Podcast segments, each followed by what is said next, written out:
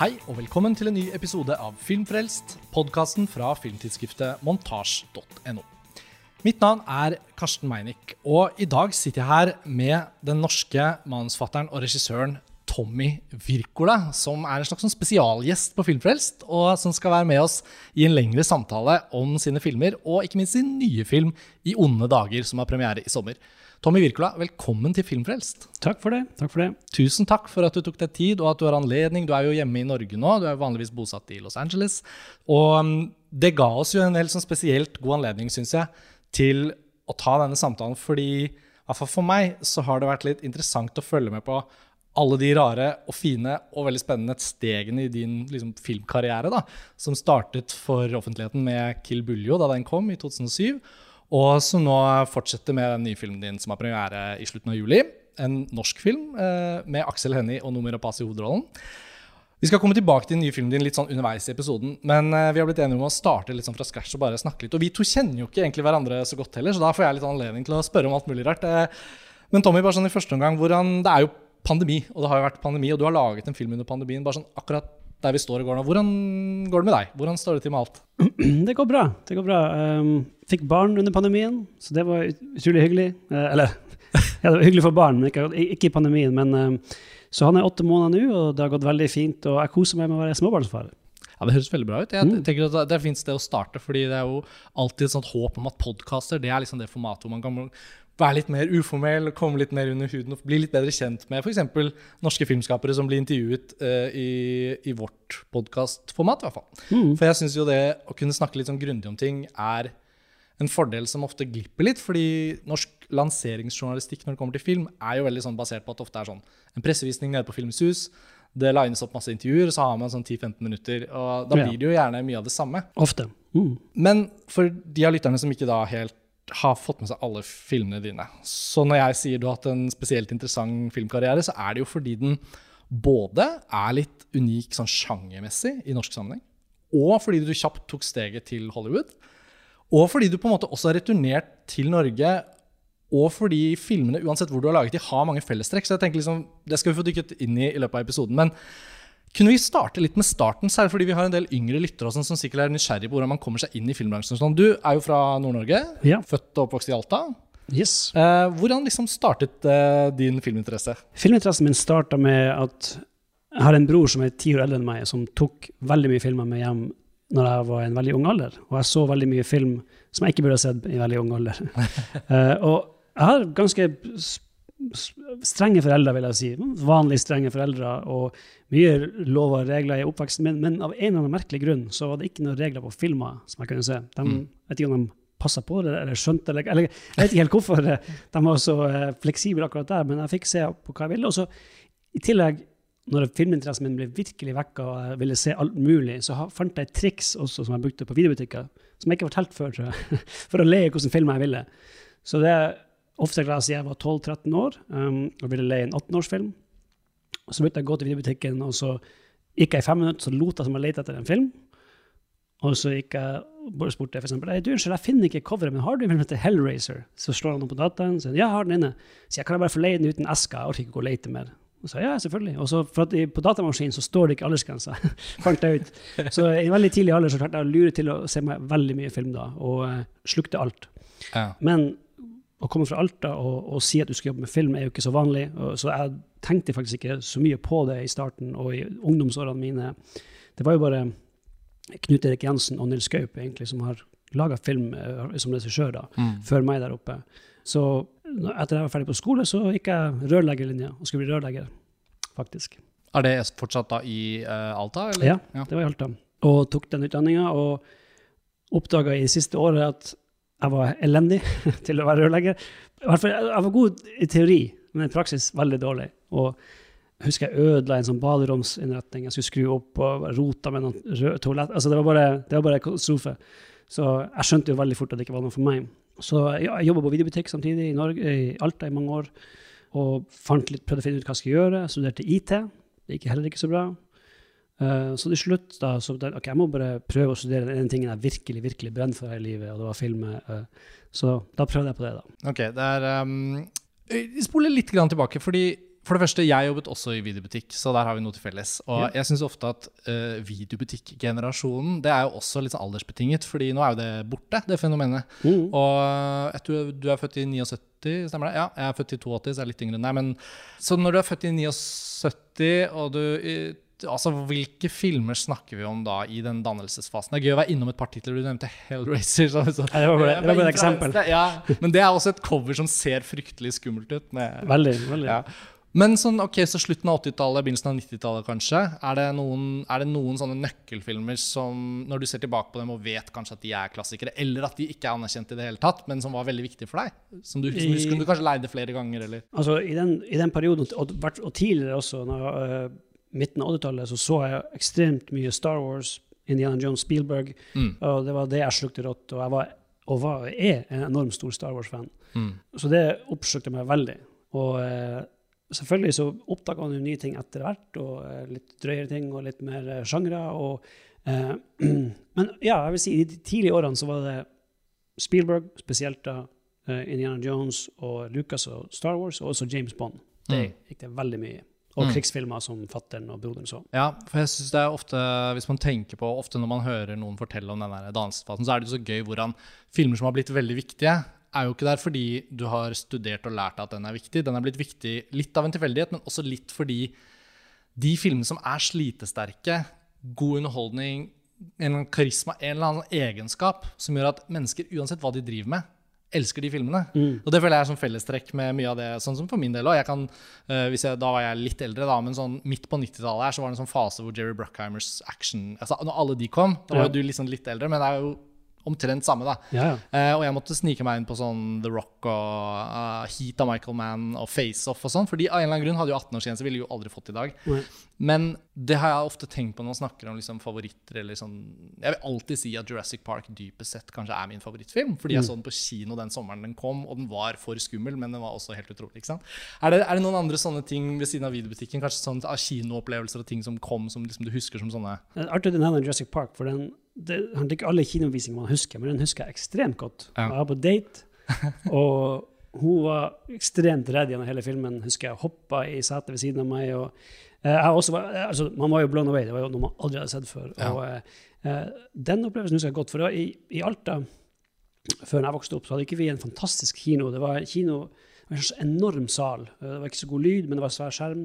Eh, men så mye klassikere der. Og jeg husker en av de siste filmene som gikk der, også som gjorde veldig stort inntrykk på meg, men det, da var jeg jo eldre, selvfølgelig, men det var første Lord of the Rings. Mm. En av de filmene jeg virkelig husker å se på kino, bare bli tatt med i den verden der. Og, eh, for, jeg, for jeg føler at det er sjelden, og det er sjeldnere og sjeldnere når man blir eldre, men også på den tida, det var jo Star Wars selvfølgelig, som vi snakket om, Indiana Jones, men verdener som man blir helt oppslukt og forsvinner i Mm. eh, når man ser på film. Og Lord of the Rings gjorde det veldig med meg, da, for siden, kanskje siden jeg ikke hadde lest bøkene. Jeg var bare helt blown away og frelst etter det. Um, men altså, det, når jeg var i mine yngre år, så var det få filmer som gikk på kino i Alta. Det var ikke, det var ikke sånn som nå, eh, at det er tre saler og masse film. Det var liksom de store filmene som kom. Og det var én sal, og det var ikke akkurat valgmuligheter der. For eksempel, Nei. du nevnte Heat. Jeg tror tippen hadde vært på kino i Alta. Eh, Jeg husker faktisk første gang jeg så Heat eh, veldig godt. Det var, jeg var barnevakt for søskenbarnet mitt og hadde leid to filmer den kvelden. Og det var Heat og Casino. Og jeg så den back to back. Det var, eh, det var en av de beste filmkronene vi har hatt. Altså, det, må være, det er en sånn double feature man burde sette opp eh, til hvis du inviteres en gang. til Ja. å sette opp en sånn, Det kunne vært en fantastisk double feature. Absolutt. Altså, ja. Nei, men så morsomt, fordi jeg tenker jo også litt på når jeg, eh, Den siste uken nå frem til denne samtalen, så har jeg hatt gleden av å liksom kjøre litt sånn Tommy Wirkola-festival hjemme, da. Jeg har ikke vært innom alle, men jeg har, har gjenoppfrisket eh, og, og, og tenkt en god del på Peter Jackson, og det er jo kanskje ikke noe rar referanse, da, men men så slo det meg liksom, ja, du var kanskje sånn 22-ish når uh, første Ringenes herre kom, eller noe sånt. Mm. Og så snakket du om en fase hvor du til slutt fant ut at du ville prøve å studere det du elsket. da. Ja. Så hvis vi hopper tilbake der hvor vi er da, er det, er det noen av de årene der hvor du som voksen også ser typ sånn Ringenes herre eller filmer tidlig på 2000-tallet som er sånn ekstra motivator for å, for å forsøke å studere film? Um, det, jeg klarer ikke å huske om det var en noen type film jeg så, eller om det var, men det var mer det var mer bare en følelse et- etter jeg, som sagt, jeg prøvde å studere IT, og jeg sovna på hver eneste forelesning. Eh, jeg trodde jeg skulle være god i IT siden jeg var god til å spille data. Det var liksom det Ja. resonnementet mitt var. Og det var liksom mer OK, eh, selv om Og det var jo det er ikke noe å legge skjul på at eh, hvis du sier du skal jobbe med film i Alta, så Mm. blir du ledd av nesten. ikke sant? Mm. Jeg skal bli regissør. Ja, of course. Selvfølgelig. Og det var jo ikke sånn at jeg ble tatt imot med åpne armer hjemme heller. Jeg skulle studere film. Nei. Eh, ikke, at man, eh, ikke at de ble sinte, eller bare sånn uh, Er du sikker på det, Tommy? det er ikke akkurat uh, så gode fremtidsmuligheter kanskje hvis du studerer film i Alta. Men det var det jeg hadde lyst til å gjøre. Så jeg dro faktisk til Lillehammer først og bare studerte ett år filmvitenskap. Bare Ja. for å få et litt mer grunnlag. Og, og, for jeg kunne bare Hollywood-film. Det var bare det jeg så. Så jeg tenkte ok, jeg vil gjerne bare se litt. Jeg vil gjerne bare lære litt og, om historie og se de tidligere filmene og få litt innføring. da. Hva, hva slags ord ble det for deg da? Hva, var det, leverte det etter håpet og forutsetningene? Ja, det var både òg. Det var jo eh, Hvilket, var- år, hvilket år var det? det Jeg har oppdaga at jeg har veldig dårlig hukommelse i det siste. Årstallet er veldig dårlig huske. Men Midt på 2000-tallet? ja, det var nok 2002-2003, Ja, kanskje ja. noe sånt. Og da, det var et bra år. og det var selvfølgelig det er jo står opp klokka ni om morgenen og ser tre filmer. Det er jo, eh, av og til og veldig obskure filmer til tider, så det var jo ikke bare fantastisk. Men det var, det var nyttig og det var bra, og så mye bra og lærte mye. Uh, og så etter det dro jeg opp til Alta igjen og studerte media. Uh, for da hadde jeg lyst til å prøve å gjøre litt praktiske ting. Og i Alta har jeg medielinje, og der får du låne utstyret også på Mm. så mye du vil. Det husker jeg selv også, en veldig sånn følelse av at utstyr var egentlig ekstremt viktig. Jeg tror det er mindre viktig for unge filmskapere i dag, fordi de har så mye kamera tilgjengelig. Alt har endret seg, distribusjon, alt sånn. Men den gangen, og jeg, var, jeg jobbet i videobutikk de årene der, da, men tenkte også på det med å lage film, jobbe med film. Og kjenner man noen som har et kamera? Typ? Mm. Det var ofte sånn starten. Vi har ideer, men vi har ingen til å filme. Nei, det var utrolig vanskelig på den tida. Det var, det var, å, å ha tilgang på kamera og klipperom var Ja. fantastisk. Ja. Og det var faktisk var det der igjennom, var det det året vi lagde den første Kill gikk, Eller eneste året jeg gikk der, da, på slutten av studiet. Så lagde vi en Kill Bull-kortfilm. Ja. Og da hadde nødvendigvis Kill Bill av Tarantino hatt premiere. Ja. Dere var inspirert. ja, det var altså det, det høres jo Men ideen kom jo bare fra at jeg og Stig Frode sto i butikken, vi kjeda oss, og så var det en av oss som sa Faen, hvis så rart. lage en nordnorsk parodi av Kill Bill, og så sa den andre Kill Buljo. Så, eh. og så bare tok vi kompisene våre, samla dem og lagde en film bare for artig. Det var bare ment for oss. Mm. Og, Mm. og så studerte jeg, jeg skulle, og så skulle jeg, Etter det året skulle jeg til Australia og studere film. For det hadde du allerede bestemt deg for da? eller Ja, jeg begynte å se mot Australia, begynte å søke på skoler. eh, og, og mens jeg venta på det, så mener jeg den Kill Bill kortfilmen han- Kinosjefen i Alta så den ved en tilfeldighet. Han var, han var i vår aldersgruppe, faktisk. Veldig ung Mm. kinosjef på den tida. Og da spurte han «Hei, kan jeg bare sette den opp som en kortfilm før filmen. Før filmene våre på kino. Uh, ja, selvfølgelig. kan du det. Så da dro vi, og uh, jeg husker det var så stort for oss. Den skulle vises som forfilm på Jeg klarer ikke å huske hvordan film, det irriterer meg litt. Uh, men det var jo en halvfull sal, men folk flirte veldig mye av vitsene. Så jeg tenker ikke mer over det. Jeg dro til Australia og begynte på filmstudiene. Og, og etter hvert, da, når den Kill Bullet-tingen vokste da, For før, det var før YouTube. Så Ja. det, det ble sendt liksom på e-post. Det ble sånn ting. Ja. Det ble sånn, Hei, jeg se på det her artige klippet. Ja. Og het de Da var det sånn real player og sånn her. Jeg husker Ja, ja, du de første videoene? Så mye rart. og, eh, og jeg husker det begynte å vokse og liksom spre seg veldig kraftig. Og i Australia så har de tre semester i året, men Norge gir bare støtte til to. Så da må man være hjemme i Norge tre måneder i året. Så da var jeg på min siste semesterpause i Australia, så lagde vi en ny kortfilm, Kill Bullet 2. eh, og da lagde vi en nettside som heter killbullet.com, og la den der. Altså vi hadde litt kontroll over hvor mange som så det her. Mm, mm. Og så dro jeg ned og tok siste fire månedene. Og da så vi at det er flere hundre tusen sånn, klikk på den der. Og da begynte jeg å få ideen om at okay, kanskje vi kan bruke det her på en eller annen måte til, å, til en way in. da. Kanskje vi kan lage noe av det her, siden det tydeligvis er interesse for det. I hvert fall i Nord-Norge. Ja, er ja, så langt vi tenkte. Men kan du si litt mer om Australia? Altså, Hvilken by var det du studerte i? Hvor, var- hvor var det du gikk på filmskole? Jeg studerte eh, på Bond University, en plass som heter Gold Coast, som er rett utenfor Brisbane. Ja.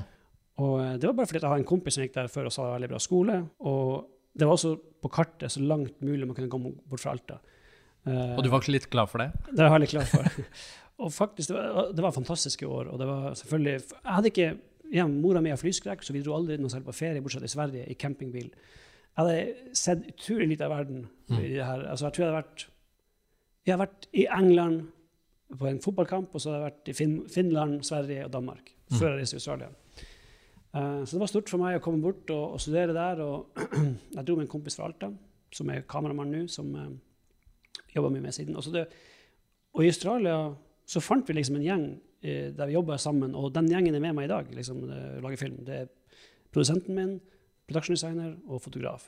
Og ka av kamera. Det er liksom Kjerna i gruppa når vi lagde film, eh, har blitt med ble liksom, De kom og lagde Kebulli osv. Så, videre, og så, videre. så Mm. de har alle store roller i norsk film nå, så det er veldig kult. da. Ja, det var, og det var hyggelig å høre, fordi jeg hadde faktisk tenkt underveis i samtalen å trekke inn at, at man, eh, hvis man følger litt nøye med, så ser man jo at du har mange overlappende samarbeidspartnere, i hvert fall på flesteparten av prosjektene. da. Absolutt. Og, eh, og det, det virker på meg, uten å kjenne deg og miljøet ditt så godt, så fremstår det jo som at dere har dratt veldig nytte av gode vennskap, dedikasjon, lojalitet innad for å løfte fram mange av disse prosjektene og holde det særegent. Mm. Er det, stemmer det at de tingene har vært viktige også for at du kan liksom dyrke det du vil lage film om, og ikke bli tvunget over i sånne andre type greier? Ja, helt klart. Og det, det, er, altså det at de kom at de gjorde det i lag, Kilbuljo spesielt, da, og så Mm. rett inn på Død snø. Og, Mm. og så ble det jo en kjerne der. så Vi jobber ekstremt, ekstremt godt i lag, og vi har veldig tett samarbeid og gode venner. og Det er jo veldig trygge samarbeidspartnere. Og jeg prøvde jo på Hans og Grete å få noen av dem over, men det, da sa studio nei, de ville ha mer erfarne folk i de rollene. Mm. Men heldigvis fikk jeg på Hans og Grete, da fikk jeg over noen norske skuespillere. Så det er jo jeg, ja. med og det er jo, Jeg prøver jo i alle filmene mine å ha norske skuespillere med, uansett om jeg lager dem i USA også. og ha jeg, jeg føler at det, det er viktig, og det er viktig og For det første så er de ikke like gode som alle andre, men for andre så gir det meg en trygghet òg. Og det er veldig hyggelig å ha på Hans og Grete. Det var jo en veldig, ikke for å hoppe for langt frem, men en skummel produksjon på mange måter. og Mm. hoppe rett fra Død snø til det, og ha vennene mine der, var veldig bra for min del. Mm. Ja, nei, men vi kan fint uh, gli over i det, fordi jeg føler at egentlig har jeg liksom tenkt litt på det underveis, altså bare som observatør, da, å se uh, Kill Buljo komme og bli et fenomen. Um, andre av dine filmer har blitt min personlige favoritt uh, i etterkant. Men uh, jeg kikket på Kill Buljo igjen nå i forgårs, og Ja.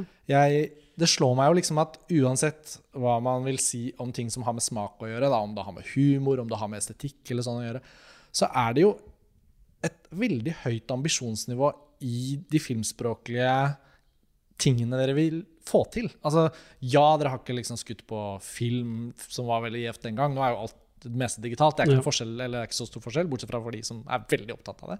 Men um, selv om liksom noe er litt sånn såkalt lav kvalitet ditt og datt, så er det flere sekvenser i den filmen som også har veldig sånn åpenbart sånn Dere skal få det til. Og så har dere kanskje etterapet Tarantino-filmen i, i noen sekvenser fordi det skal være en pastisj òg. Men, Mm. men det ambisjonsnivået ser jo ut til å ha vært liksom etablert allerede da. da. Og så kommer det enda mer til f.eks. i Død snø 2, som føles som sånn skikkelig sånn superambisiøs eh, versjon med tanks og alt. Altså, der er det jo actionsekvenser som, som går mange andre storbudsjetterte actionfilmer en høy gang, syns jeg. Så, hva, hva tenker du om det der overgangen fra liksom kompisprosjektet Kill Buljo til å liksom fortsette den veien, men ikke bli bare spist opp av et system som sier sånn OK, Tommy, vi vil ha med deg, men den andre gjengen, de forventer, liksom. Ja, nei, det, det er jo mye å prate om akkurat i den delen der. Og, det, og som du sier, så Jeg føler jo at den Til og med altså fra Kill Buljo så har det alltid vært en Hvis jeg skal prøve å analysere sjøl, har det vært en veldig en, Og det håper jeg at det er i alle filmene mine, en skaperglede. Og veldig, veldig glad for å få lov å gjøre det her. og veldig at, at det smitter over på en måte, en energi. Eh, Og, og Kill Buljo, helt klart. altså Det var jo altfor høyt ambisjon, ambisjonsnivå på mange måter. Og vi visste ikke hva vi gjorde. og vi hadde, Ja, vi hadde kortfilmerfaring fra filmskole, men det er jo en helt annet lag enn en spillefilm. Og apropos når vi snakker om inspirasjonskilder, så mer enn Kill Bill Selvfølgelig er det den vi endte med å parodiere, men når jeg vokste opp, så jeg forguda Zucker-brødrene. Zucker, Abraham Zucker. Og Mm. Mamma Min Stol, Airplane, Mm. Top Secret. Altså, I en lang periode var det bare sånne filmer jeg fikk leie på video. Ja. så, så, inkludert hotshots. eh, Ja, ja, det er jo Hotshots var jo det som kom etter. og eh, jeg, har sett de filmene, jeg kan, jeg kan hver eneste vits i de filmene, og jeg, og jeg syns det er så fantastisk laga. Og, det de, og spesielt Top Secret og eh, Airplane har jo veldig høyt ambisjonsnivå og lager film på en seriøs måte, men Mm. eh, satt inn i eh, ja, altså, Hvor mange jokes per minute de har i Airplane, det vet jeg ikke. Men det, jeg mener jeg leste en plass at AFI hadde regna den filmen mest jokes per minute. Ja. Og det var noe vi prøvde å gjøre. Med, altså, hvis, ikke, ideen om at folk, hvis ikke folk flirer av den ene vitsen, så skal de flire av den neste. Så vi kasta selvfølgelig alt inn i Kilbuljo, alle ideer, og prøvde å gjøre det så godt, vi kunne. Vi hadde crew på ti stykker. Vi filma en sommer. Vi starta slutten av april, så vi hadde litt snø. Og så gikk vi inn i sommeren, da det ble midnattssol, og vi kunne filme så lenge vi ville. Men ja, det var å gå derifra til, død snø. Det var jo, eh, for meg da, da hadde jeg for første gang jeg jobbet med proffe skuespillere, f.eks. Mm. Kill Bully var jo bare kompiser. Alle i, f- i filmen er jo bare kompiser fra Alta. Mm. Vi skulle jo egentlig, husker vi skulle egentlig Bjørn Sundquist sa egentlig ja, det var en sånn pinlig situasjon, men så egentlig ja til å være med i Kill Bully. Og jeg selvfølgelig, for å få litt presse, så sier vi fra til Altaposten. Hei, Bjørn Sundquist har sagt ja. Svært oppslag. Så ringer man dagen etterpå. Hei, Tommy. Det skjedde en tull med timeplanen min. Nei, det går ikke opp. Så bare. Dagen etterpå. Bjørn Sundquist er ikke med i filmen. Ja, ja, to oppslag der, i hvert fall. Ja, ja, PR, i hvert fall. Men Død snø er jo også en ganske sånn naturlig overgang, fordi i hvert fall når man ser den i lys av Død snø 2, så ser man jo også at selv om Død snø har sekvenser hvor du virkelig liksom flekser musklene, så er den jo fortsatt knyttet til den lavbudsjettsopprinnelsen og mange smarte løsninger istedenfor dyre løsninger osv. Men, men, eh, men der kom jo også du rett inn i det som utspilte seg i norsk filmkultur ellers. da. Altså, Kill Buljo er jo da deres miljø, uh, veldig mange sånne spesifikke ting. Likevel nådde den jo faktisk uh, bredt ut og har blitt liksom en kultfilm. Mens Død snø fra utsiden fremstår jo som på en måte en ny norsk film fra en fyr som liksom går videre fra ikke sant? Yeah. hermetegn, tulleprosjektet Buljo. Og så har jo da Fritt vilt, uh, Villmark altså Noen av disse første i hermetegn norske horrorfilmene som liksom egentlig introduserte den sjangerlinjen i nyere norsk film, har jo da skjedd. Og så kommer Død snø der. Hvordan, hvordan så du liksom ideen din og prosjektet ditt i lys av det? Følte du at du fortsatte kameratprosjektet litt, eller følte du at du liksom tok et steg inn i liksom den offisielle norske filmbransjen? Nei, det, det tror jeg ikke jeg følte. Jeg tror aldri jeg følte det, egentlig. Men uh, Nei, jeg følte at det var kompisprosjekt, absolutt. Og det var jo selvfølgelig, det var jo kjerna fra Gilbulli var jo med og, og var kjerna i filmen. Men jeg hadde, måtte ha flere folk med på lys, selvfølgelig, og sånne ting. Og, uh, men allikevel, det var lite crew. Det var det. Og, og igjen basert oss på mye velvilje fra nærmiljøet i Alta, sånn som på Gilbuljo.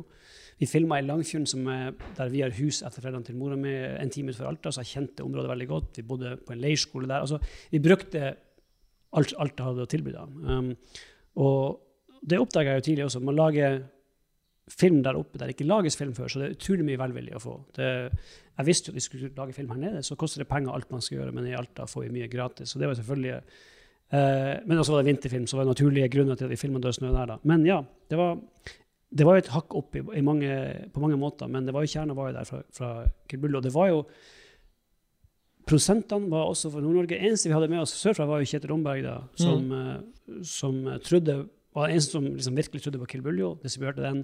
Og så da bytta han jobb og ble med i Storm Studios, og så var de med på Død snø. Kan du si litt om hvordan du møtte Kjetil Omberg? Fordi Mange lyttere vet sikkert ikke egentlig hvem det er, da, men eh, han er også en filmperson som jeg møtte ganske tidlig da jeg var veldig ung. Han jobbet i distribusjonsselskapet Sandrew Metronome, eh, og jeg jobbet i videobutikk. og I en eller annen sammenheng så ble vi litt kjent, og så har han alltid vært veldig hyggelig med meg opp gjennom årene, selv om vi ikke egentlig har jobbet noe særlig sammen. Og jeg husker veldig godt hvordan han liksom formidlet Kill Buljo med stor entusiasme. Eh, Så før vi hopper videre, kan du bare kort si litt om hvordan dere møttes? For dere jobber jo Ja. fortsatt sammen. Ja, øh, nei, det kan jeg si, for det, det er en av tingene jeg husker veldig godt i, i hele Kill Bully-prosessen. Fordi at etter jeg hadde filma den, så hadde vi kjøpt en egen sånn eh, klippestasjon da, hadde i Alta. Eh, men det var siste pengene brukt på det, så vi hadde ikke råd til klippeprogrammet. Så jeg, vi hadde en tjuv kopi av Adobe Premiere Pro vi klippa det på, som vi drev og krasja hele tida. På en eller annen måte så klarte jeg å klippe en versjon av filmen. Og så tok jeg og Terje Strømstad, som var produsenten min Som du hadde gått sammen med i Australia? Ja. Mm. Så tok vi den med til Oslo, og så begynte vi å vise den til distributører. Jeg var ikke med på alle de der, jeg husker ikke helt hvorfor, men jeg var med på noen av de visningene. Og vi fikk, sånn- det var noen som var halvinteressert, for Kill hadde, det hadde fått litt buzz på den tida, i hvert fall nordpå. Uh, vi fikk møter, og det var noen som ja, kanskje vi kan, kanskje vi kan gjøre noe med den. Og, og så hadde vi visninger for Oro Film, der Kjetil jobba. Og da var det tre stykker i den salen. Eller fem, sorry, men tre fra Oro. Så meg, Terje, og så det jeg skal ikke nevne navn, to andre og Kjetil. og eh, til høyre for meg satt en dame da, for Oro. Eh, kjempe, eh, kjempebra dame, men det var helt klart ikke hennes type humor. Hun flirte ikke en eneste gang under visninga. Foran satt sjefen, som sovna etter ti minutter. Så gjennom hele filmen. Eh, men nede i høyre hjørne satt Kjetil Lomberg og flirte gjennom hele filmen. Tenkte, ok, der har vi en sjanse. Vi har, vi har no, kanskje noe der. Så etter visninga så ringte han dagen etterpå og tilbød oss eh, 27 kinokopier da, rundt omkring i Norge. Og etter åpningshelga så dobla den etter fordi Mm. jeg så at det ble en, eh, en slags hit. Eh, Men ja, det var der møtte han. Spennende. Det er så gøy også hvordan det alltid er på en måte bare et lite møte. Og så har jo det forplantet seg til å bli e- et langt samarbeid da, dere Mm. imellom. eh, Som er jo en veldig sånn beundringsverdig ting å se på. Fordi jeg tror norsk filmbransje generelt har veldig godt av de der gode samarbeidene som, som passer for noen. Og så at man holder på det. Da kan man liksom bygge videre på det. Det er åpenbart at det skjer, syns jeg, da, mellom dere. Men så Død snø blir lagd, og i hvert fall på bakommaterialet til Hansel og Gretel på Blu-rayen jeg har, så er det jo da en anekdote som også presenteres både av den amerikanske produsenten og for så vidt av deg. Og uh, det starter med Død snø som plukkes ut i Sundance. Og en ting er jo at du har laget liksom en norsk røster som med Jenny Skavlan og ting. Det er gode muligheter for at den gjør det bra på kino i Norge. Ja. Men hva tenkte du selv rundt det at den ble tatt ut i Sundance, og hvilken betydning det kom til å ha for karrieren din den gang? For helt ærlig, så Jeg visste ikke at de hadde sendt den til Sundance. Jeg hadde ikke tenkt tanken engang. Eh, at det skulle være en Sundance-film. For jeg var ikke klar at de hadde sånn midnight-program i tillegg. Så da Kjell ringte og sa det, så trodde jeg han tulla først. eh, men selvfølgelig ble jeg ekstremt glad. eh, og bare å få lov å vise den i USA på en stor festival var jo stort. Veldig stort. Harald Svart var jo en av produsentene på filmen også. Hvordan ble han involvert? Vi sendte faktisk Før vi lagde Kill Bully, og det har jeg glemt jeg, jeg mener vi sendte den kortfilmen til eh, dem og spurte om de ville være med og lage den. Så fikk vi et ganske klart nei. Altså til, Da bodde han i Los Angeles? Eller? ja, det var veldig Ja. Jeg, jeg mener uh, Veslemøy, som er kona og produsenten, bodde ennå i Norge. Ja, ok. Eh, og- Var det One Night and McCools han holdt på med, kanskje? da? Ja, det var noe sånt. Uh, og, men de, de var jo litt sånn interessert i å produsere ting, og så hørte vi. Og, Ja. Så fikk vi nei på Kill Bully, da. Men av en grunn så fikk han nyss om Død snø, og så husker jeg at det var en visning for han i or, Nei, uh, hva heter de? eh, Euforia sin kinosal? Er det Euforia de heter? Mm, ja. Og han likte den veldig godt, og så investerte han penger i den for å hjelpe med, med sluttarbeidet og alt. Ok, Så da hadde dere liksom laget filmen, og så ser Harald Ja. Svarten en uferdig versjon, og så blir han med videre? Ja. Og, så han hadde ståltro ståltro på den, og, og, og eh, det var han, han sendte den til sitt agentbyrå. Så jeg dro til Sundance, så hadde de sett den og sendt noen agenter som skulle møte meg. Da Så det Da sånn- hadde du liksom ikke agent, men Nei, nei, nei. det var noen møter du skulle ha og sånn? Ja, og det var gjennom han da som hadde ordna det eh, gjennom agentbyrået. Så igjen, det var heller ikke noe jeg allerede hadde tenkt på eh, at, det, at det skulle skje. Men så kom vi til Sundance. Um, husker veldig godt første visninga. Antageligvis en av de kuleste opplevelsene jeg har vært med på, bare fordi det var så nytt og stort. Og, og jeg husker det var det var skikkelig rift om billettene. Det var vanskelig å få billett. Og på vei inn til kinosalen så var det slåssing i køen. Blod gjennom den ene gangfeltet, blønna med sne, ironisk nok. I tråd med filmen sin. Ja, ja. Eh, og så begynte visninga, og det var, en, det var helt fantastisk stemning. Um, Mm. Og det ble mye Det ble buzz da på den eh, filmen der i Sundance. Og møtte flere agenter, og fikk meg agent. Og i den salen, som sikkert er nevnt på den Blu-rayen, så satt Kevin Messick, som akkurat hadde fått jobb i uh, Gary Sanchez Productions, som er Will Ferrell og Adam McCaseys selskap. Og han ble dratt med dit. Jeg vet ikke om han nevnte det på DVD, men det har han fortalt meg. i hvert fall. Han ble dratt med dit av sin kompis. som Ja, han, han nevner det. Ja. ja, okay, ja. Han ville egentlig ikke se den, så han bare horror, horror, nazizombier. Men han uh, digga filmen og ringte da Dan, som fremdeles er min agent. Og så sa han at uh, når Tommy kommer til LA, så må du sørge for at vi er det første møtet den første dagen. Så jeg dro da til Norge, han dro til LA. Han visste filmen til Will og Adam og hele gjengen der. Og de likte den veldig godt, så når vi kom og møtte dem da noen uker etterpå, så hadde de sett filmen. Bare for å stoppe deg, for det er så gøy med detaljer. Ok, Så du har vært i Sundance, du har hatt den opplevelsen du beskriver. Du vet vel om noen av de som har vært og sett den, eller vet du ikke egentlig det Nei, helt? Nei. det vet Så du, ikke. hvem andre var med til Sundance? Hele gjengen? Alle skuespillerne? Ja, det var mye av skuespillerne, mye av crewet, og vi prøvde å ta så mange vi kunne. Så flyr dere bare hjem igjen. Ja. Tenker, Det var kult. Det var kult. Hadde- Jeg mener de hadde premiere der først, og så Norge. Det er Ja. vi dro hjem igjen. Når skjønner du liksom at ting skjer ganske raskt da i Hollywood i forhold til at de ønsker å få deg på møter, at du skal fly tilbake? Altså, Jeg tror ikke, for det er så, jeg tror ikke, jeg, jeg skjønte det vel ikke helt til og med når jeg var der. Jeg hadde sånn fem-seks møter hver dag, kjørte som en gal rundt i byen. Mm. Men jeg tenkte kanskje det var vanlig. og kanskje, Jeg skjønte jo at han hadde fått et buss, han hadde jo fått skriverier i, i visse sånne store bransjeblader borte. Og, og agentene mine hadde begynt å sende den rundt til folk, visste jeg også. Mm. Så jeg fikk jo mye møter basert på at folk hadde sett den da, blant studioene. Men det første møtet var det med Adam McKay og Kevin. Will Ferrell var ikke på det møtet, men det var hans selskap også da. Og det var da Men igjen, jeg, jeg husker jeg hadde Jeg hadde forberedt kanskje sånn fem-seks ideer. Eh, jeg, og jeg hadde ikke, det var før jeg visste hvordan man Ringer du Harald Svart da, liksom? Er dere så gode venner at du kan liksom spørre om råd? Eller hvordan, hvordan, liksom, hvordan forbereder man seg til det? For det sånn, bare fordi det er sånn anekdotisk materiale som jeg føler mange har hørt, men egentlig man aldri hører detaljene rundt. Altså, ja. Og så dro jeg, og så var det møter, og så ble det noe. Liksom. Men sånn, er du nervøs? Er du bare litt sånn 'herregud, nå skjer det bare ting', dette kan ikke gå dårlig'? alt er bare en... Altså, Nei, man er selvfølgelig litt nervøs, men jeg, har, jeg føler jeg alltid hadde en sånn og det har jeg faktisk jeg husker, ikke fått kritikk for, men ble, det ble påpekt flere ganger, spesielt fra amerikanerne. Hey, Tommy, why are you not excited? This is great news. Eller, why, altså, en, og det Kanskje at jeg er nordfra, jeg vet ikke om det er oppveksten min, men jeg, jeg, blir ikke revet med. Jeg, jeg, og det er både en bra og en dårlig ting. Eh, men jeg, klarer jeg tar, har utgangspunkt i at her ingenting kommer til å skje. Kanskje det er det. Um, så når jeg, men selvfølgelig, jeg samtidig Og det er har jeg alltid, for jeg alltid har, fra jeg starta med film, jeg har vært ekstremt flink å jobbe. Og jeg jobber mye, og jeg forbereder meg veldig. Uh, og jeg skriver alltid mye. Jeg, jeg, drar ikke på fest, jeg er heller hjemme og jobber. og det har hjulpet meg i alle år. Uh, fordi at hver gang jeg har fått sjansen, jeg har vært i et rom eller vært i et møte, så føler jeg at jeg har noe jeg, har noe jeg kan pitche. Men det var jo tidlig i fasen. da. Jeg visste ikke hvordan man pitcha. egentlig. Jeg hadde noen ideer, jeg hadde noen grunnideer, bl.a. Hans og Grete. Og jeg husker jeg hadde skrevet bare jeg hadde laga en dårlig forside på Hans Grete og skrevet litt tekst bare. men Jeg var ikke mye. Jeg hadde ikke krekka historien eller noe som helst. Jeg hadde bare Hans Grete 15 år etterpå, heksejegere, og skal tilbake til plassen der alt starta med. Mm. Det var det jeg hadde. Mm. Og så er det jo den bakgrunnsfortellingen som du har fortalt flere ganger. Men du kan gjerne fortelle den igjen, så kan jeg spørre om litt detaljer underveis. Sånn. Eh, for da du gikk på filmskolen i Australia, da hadde du allerede den ideen? Ja. Og fortell en historie en gang til. Ja, det var, det var De hadde heter scriptwriting, og i scriptwriting 2, da, som var nummer to av det kurset, så var det pitch, en pitchkonkurranse. Og du har 30 sekunder, eller ett minutt, hva det var, så gå foran læreren og pitche en idé. Og jeg hadde da, bare noen dager før, eh, tenkt på den Hans og Grete-ideen 15 år etterpå. Så de heksejegere. Det var alt. Det var de tre setningene jeg hadde.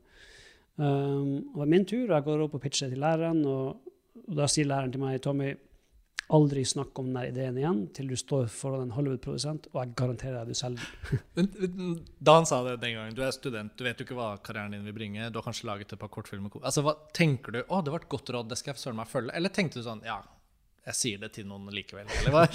jo, jeg har jo sikkert sagt den til noen, men jeg har aldri sagt den Jeg har aldri pitcha den sånn. her, eller sånn, men jeg, var, jeg tenkte at uh, for Jeg husker da jeg kom opp med ideen. Mm. Jeg husker faktisk øyeblikket jeg tenkte først hvor jeg er teit i det. Jeg er teit i det. Hans. Så begynner jeg å tenke litt sånn, nei, vet hva, det har noe, har noe, ved seg. den her. Og da når jeg pitcha ideen og fikk den der bekreftelsen, så okay, kanskje det er virkelig en av dine ideene. Altså, så, så, jeg hadde den i bakhodet. Som sagt, jeg hadde tre setninger da, og, og, og, lekte litt med den av og til i, i tankene. Så når jeg da pitcha den, så hadde jeg selvfølgelig litt mer, men ikke så mye. Men det var jo et råd som stemte. Det var, og jeg husker det jeg, som sagt, jeg har ganske dårlig hukommelse når det kommer til premiere. det er store øyeblikk, for jeg, det kan hende at man er så konsentrert der og da, eller nervøs, eller hva det nå er, uh, så man glemmer mye. Men jeg husker det øyeblikket, for jeg sparte Hans og Grete-ideen til sist. Og de sitter, det var, det var, god stemning, og de likte noen av ideene mine. Så sier jeg ja, ja, forresten, jeg har én ting til, da. og så ga jeg ut et heftet der det sto Hansen og Grell Witch Hunters. Og jeg husker faktisk at Adam McKay snudde seg og sånn, så på han Kevin, produsenten, da, så bare Oi, shit. Mm. Her, her, er noe. Um, og pitcha ideen, og de digga den selvfølgelig. Uh, klar, altså, sier de det i det sekundet? Si, altså, ja. Der og da, mm. du legger den fram, og så ser du på dem at, på dem. at dette er ideen? Ja, ja, jeg ser på dem. Og de, med en gang etter møtet så ringer de agenten min og sier vi vil ha den, ikke la den selge den andre plasser. Okay. Men de kan ikke kjøpe den, for de er produsenter. Så det de gjorde, det var at de ordna et møte med Paramount. Det her var en mandag, de ordna et møte med Paramount på onsdagen. Mm. Og, Tommy is still in town. og uh, igjen, møter med Paramount da, da, begynte jeg å bli litt sånn Gikk du inn den porten da med Paramount? Ja, ja, sånn? du, du, har du får sånn drive-on. Liksom, du leverer sertifikatet ditt. Hei, Mr. Cola, welcome. Det, det, det, var stort. Det var veldig stort å se Varmtårnet, selvfølgelig. Og alt ja, det der. Um, og studiosjefen hadde ikke nådd å se filmen på det tidspunktet, 'Død snø'. Så det, det Kevin og Adam gjorde da jeg husker, De tok en DVD med av filmen. Så i møterommet satte han den på loop i bakgrunnen. bare sånn gikk, eller noen merkelig grunn, jeg vet ikke hvorfor, men Så Dødsnø det gikk på loop under hele møtet. da. Men og Jeg vet ikke om jeg har sagt det her, de har sikkert garantert ikke sagt det sjøl, men det var litt dårlig stemning i det møtet mellom Mackay og studio, eller dem og studio da. Mm. Fordi at de hadde akkurat signert en sånn first look deal som heter med Paramount på den Mm. tida. Eh, som betyr at de må ta sine prosjekter til Paramount først. De, de, de får en sum i året mot at de må pitche alle sine ideer til Paramount først. Men bare to uker før det hadde de solgt en svær idé som endte med å bli The Other Guys til Sony. Ja. Så Paramount var sur på dem fordi at de ikke hadde kommet til dem først. For de var i forhandling om Det Det var egentlig litt avtalebrudd på Eller sånn. Nei, for avtalen var, avtalen var ikke signert ennå. Oh, ja, sånn, ja. Så det var sånn Men det var- gentleman's agreement Ja, som ikke var ja, Så de burde kanskje, men de fikk et fantastisk tilbud fra Sony. De gikk med Ja. Det gikk bra og- for The Other Guys. Da. Det er en av mine Ja, ja. i, i Det- den gjengen Ja, der. de gjorde det veldig bra. Og, og, eh, så jeg husker at de, jeg tror de også tok den her til Paramount for å make up for it også litt. Så se her, vi har den her istedenfor. Men selvfølgelig nobody, regissør. ja, fresh new face! ja. Så ble du bekymret da? Kjente du på det da, eller? Nei, for det hørte jeg i ettertid, men jeg merka at det var trykka stemning litt på det møtet. At det var liksom, snakka litt først om en ting jeg ikke helt visste hva gjaldt. Er agenten din med på et sånt møte? Er det liksom Nei. fullt opp? Nei. Det er bare meg og produsentene. da. Ok. Men han gikk for det i rommet og sa ok, jeg tror vi har lyst til å gjøre noe med det her. Um, så resten av uka jeg, jeg dro på møtene, hadde satt opp, jeg pitcha ideen. Uh, også Hans Grete, men jeg sa at den var tatt av Paramount, mest sannsynlig. da. Mm. Og så gikk vi i en skrivedeal med Paramount og begynte på manuset. Og igjen, å skrive et manus på engelsk første gangen for meg var jo også noe helt nytt og rart. og alt det der, men ja. Men altså, nå du bare blir i Los Angeles, da? Eller Nei jeg dro hjem igjen. Okay. Uh, Mm. Og da jobba jeg med han. Og han var ekstremt hjelpsom, han produsenten, med bare å lære meg hvordan man setter opp et manus i Hollywood. og hvordan man... det var alt nytt for meg. ikke sant? Kill Bull-manus, hvis jeg leser det i dag, så er det sånn at jeg blir flau over å se hvordan det er satt opp og skrevet. Og, Uh, men så han hjalp meg med formatering og spacing og bare hva som er viktig og ikke viktig. Han var ekstremt flink på å edite et manus. da. Han tok seg skikkelig tiden da, med Ja. deg. Virkelig. Mm. Og så leverte vi en manus som alle likte veldig godt, og så ble det helt stille. de hørte ikke noe. Og de tok over et, jeg tror nesten et år å bestemme seg. Og jeg tror ikke det hadde blitt film. Uh, det er to grunner til det. Og det, og det ene har jeg, jeg har en norsk, eh, faktisk. Jeg, jeg tror ikke jeg fortalte det til dem før, men, men det, det er to grunner til det ble laga. Det ene er jo at, eller tre. Det ene er at det var et sterkt konsept. Okay, vi visste det, og derfor Paramount ville ha det. Og lar seg forklare i én setning. Der Ja. alle skjønner det. De, alle skjønner det. Men de var veldig nølende lenge, som sagt. Og det var ikke før at Sony begynte å preppe Snow White and Huntsman, og at et annet studio begynte å preppe Red Riding Hood. Plutselig var det et eventyr. Det var jo boom. samme Ja, nettopp. Men jeg, jeg, vi hadde solgt det her et, ø, et år før det skjedde. Mm. Og plutselig så tenker jeg at faen, vi har jo et, har et eventyrkonsept. Hvorfor, vi må kanskje lage noe, vi òg. Så begynte de å, begynte å, å liksom, okay, ta en runde til med manuset, vi må se om vi kan få det her laga. Mm. Men studiosjefen var litt sånn nølende på prosjektet. Altså, Hvem var sjef der da? han heter Adam Goodman. Uh, Ja. Men han var, det er jo, han Jo, jo, men jeg- president of production, som han Mm, heter. mm. Men han har folk over seg. Han har, border, altså, han har Ja. to stykker enda over seg som styrer Paramount. Så det her er det som skjedde da. I prosessen så ber de om å klippe meg det de kaller en rip-o-matic, eller en sizzle reel. Og det er rett og slett at du klipper to minutter uh, der du stjeler masse bilder fra andre filmer for å skape en fake trailer for, Mm. på din film. For å, med for å fange tonen og energien i filmen. Og jeg gjorde det, og hadde, som jeg filmer deg, så hadde jeg jo 1000 klipp i hodet mitt som var bare OK, sett den, den, den, den, den, den. den. Gjorde du det selv? Uh, nei, jeg hadde en klipper til å gjøre det for meg. Ok. Og så satte vi det til Animal Alpha sin Bundy. Du kan den låten, men det er en norsk band med Christian Wibe, som du er composeren min, Mm. skrev den låten. Mm. Men det var en, det er en fantastisk rockelåt og har en sånn sinnssyk energi. Og de digger rip-reelen, men studiosjefen var enda sånn Jeg vet ikke, jeg vet ikke. Det er sånn, for det var jo, det, veld, Manuset veldig, var veldig annerledes filmen som ble laga, helt annen historie. Men det var veldig, mye mer Ramy og Peter Jackson enn filmen enn det Mm. bli. Mm. Så han var sånn ubesluttsom. Men han som var, board, han som var sjefen hans, han har alltid likt ideen. Så på store møter de hadde en gang hver tredje måned, alt var ferdig, og det her blir gjenfortalt av vår executive til meg. Så sier han, eh, han sjefen da, over Paramount sier han, du, hva skjedde egentlig med den Hans Grete-tingen? Hadde ikke vi noe der? Så sier han Adam Goodman da? Nei, ja, vi har noe, jeg vet ikke helt. Uh, vi har noe rip-reel. Ja, kan jeg få se det? Kan du hente den hit nå? Ja, jo, vi kan jo hente en rip-reel. Så får han assistenten springe og hente rip-reelen, spiller han den rip-reelen vi har laga for hele møtet, Paramount. Og visstnok var det som ga grønt lys da på filmen, var at de så en fake trailer de klippa med Animal Alpha, uh, som bare overbeviste dem at denne filmen burde lages. Um, ja. Og hvordan får du beskjeden da? Sitter du her eh, og over morgenkaffen i Norge et sted og ja, bare men, ja, jeg fikk jo jeg får en eh, telefon? Da, da var jeg lei, faktisk, og da fikk vi høre at nu, det ser veldig lovende ut. Men tingen mange studier gjør, det gjør de ennå, og det, gjør det, det er veldig frustrerende. Man hører mye snakk og stories om greenlight for greenlight. Mm. Men de gir aldri offisielt frem til helt til slutt. For de vil alltid ha muligheten til å pulle plagg, eller at de holder deg på tå hev, eller hva enn det er. Så vi begynte prosessen, vi begynte med casting, vi begynte å ansette folk, men fremdeles visste vi ikke at det ble film. Vi dro til Berlin. Vi begynte å, å møte med Heads Department der. Vi skulle filme den i Berlin. Fremdeles ikke noe offisielt grønt lys. Det var liksom ikke før de kom ned, så hadde vi laga en svær presentasjon med alt vi skulle lage, alle monstrene, alt som vi liksom planlagt. OK, da får vi grønt lys. Så de dro det ut veldig lenge før vi fikk det offisielle. Men det var etter det møtet at vi følte at OK, nå kan det skje. Det høres ut som det er veldig mye jobb for deg i den fasen før du egentlig vet at du faktisk skal gå og filme. Får du noe lønn da? Er det noe sånn forhåndsnei? Nei da. Så alt er sånn på vent? Ja da, og det har jo vært flere filmer der jeg ikke har Den filmen jeg skulle gjøre for to år siden, var jo fem uker unna, så ble den kansellert. Jeg jobba et år på og det er liksom, OK. Alt, uh, ingenting. Uh, du har brukt et år av ditt liv, men så blir det ingenting. Uh, men det kan skje, selvfølgelig, som regissør. Og på oversikten da, over de filmene du har regissert, så før man faktisk kommer til Hansel and Gretel Witch Hunters, så finner vi Kurt Josef Vagle og legenden om fjordheksa. Ja. og grunnen, altså Det er kanskje ikke den vi skal bruke mest tid på i dag, fordi det er så mye spennende å snakke om. Men jeg er litt sånn opptatt av og har veldig fascinasjon for at du holder liksom to sider av deg som filmskaper, som sikkert egentlig er den samme, da. Men du holder det liksom i live og aktivt. Så da er mitt spørsmål til deg ok, du, har liksom, du er på vei inn i Hollywoods eh, ganger. Du går inn Paramount-porten.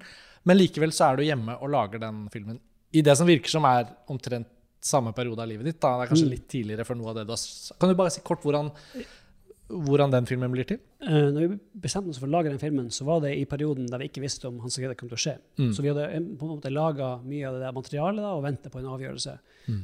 Jeg er hjemme i Alta, og vi har snakka en stund For Kurt Josef-karakteren lagde vi en gang til et radioprogram vi lagde.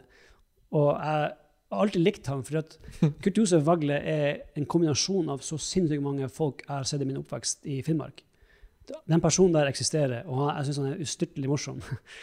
Um, så ja, kan ikke bare prøve å lage Jeg, liker, jeg har alltid likt mockumentary-stil.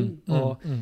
vi tenkte at vi kan, her, vi, vi kan lage en film av denne fyren, og vi tenker å bruke så lang tid på det. Og det som er hovedgrunnen til at jeg gjorde den filmen, er fordi jeg syns det er artig.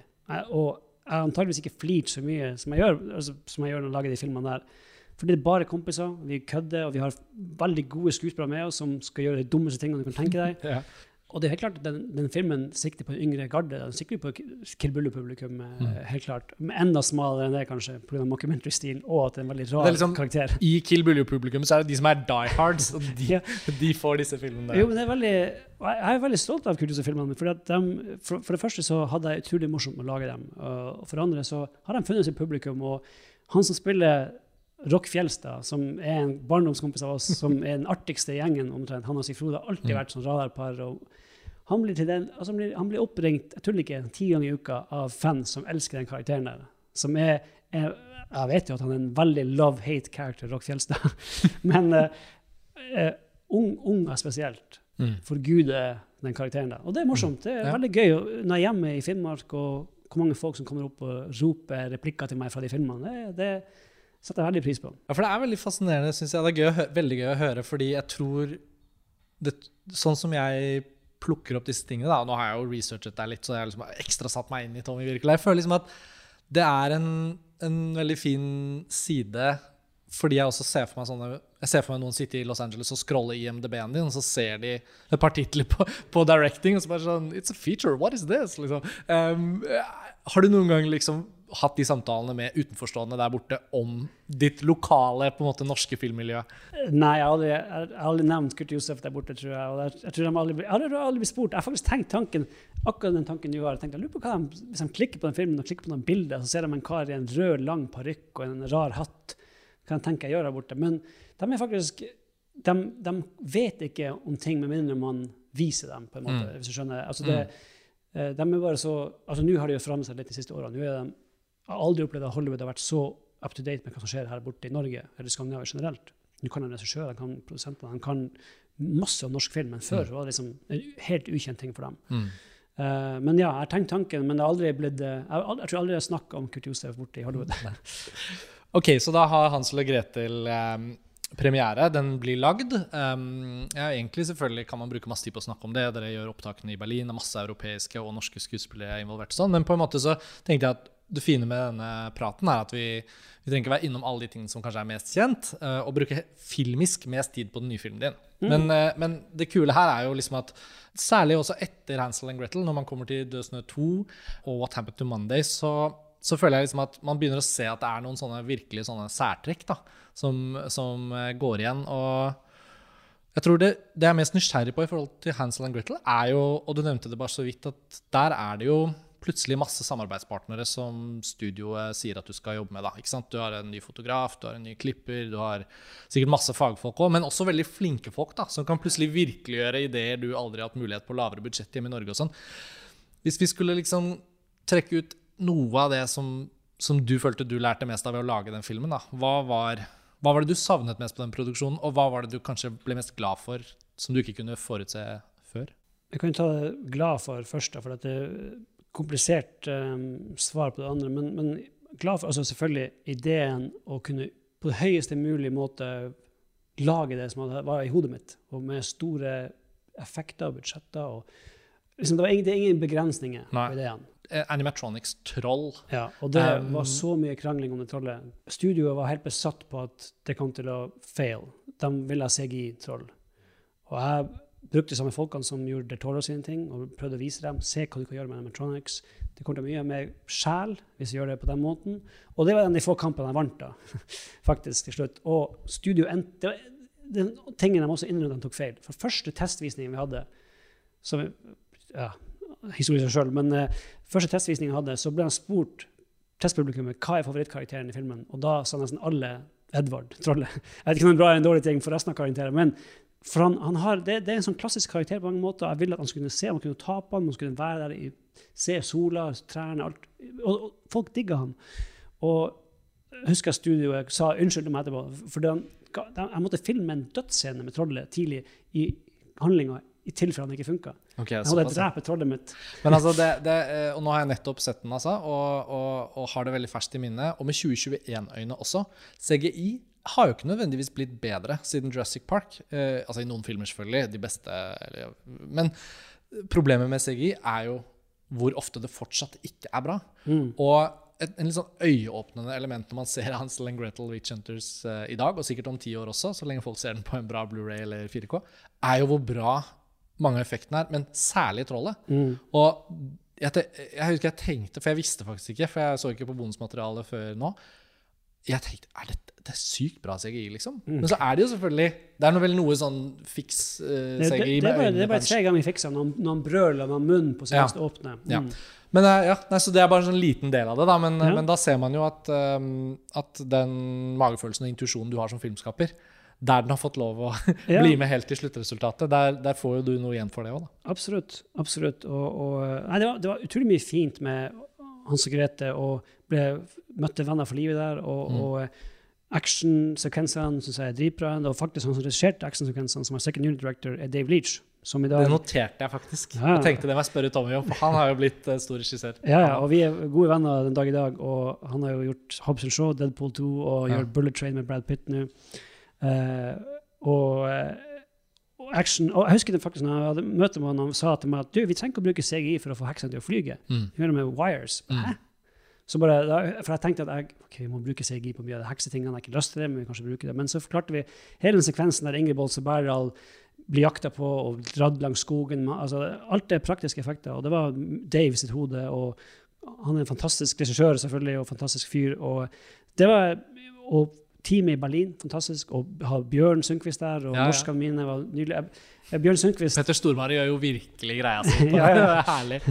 og, og eh, jeg husker Bjørn Sundquist um, Det var en scene vi skulle filme der han blir dødsscenen hans. og da, Før han dør, da, så ruller han ned en trapp i en fight-sekvens. Og selvfølgelig stuntmannen tar jo mesteparten av rullinga. Og så skal Bjørn ta, gjøre han, så tar han siste rullinga opp på gulvet og reiser seg opp.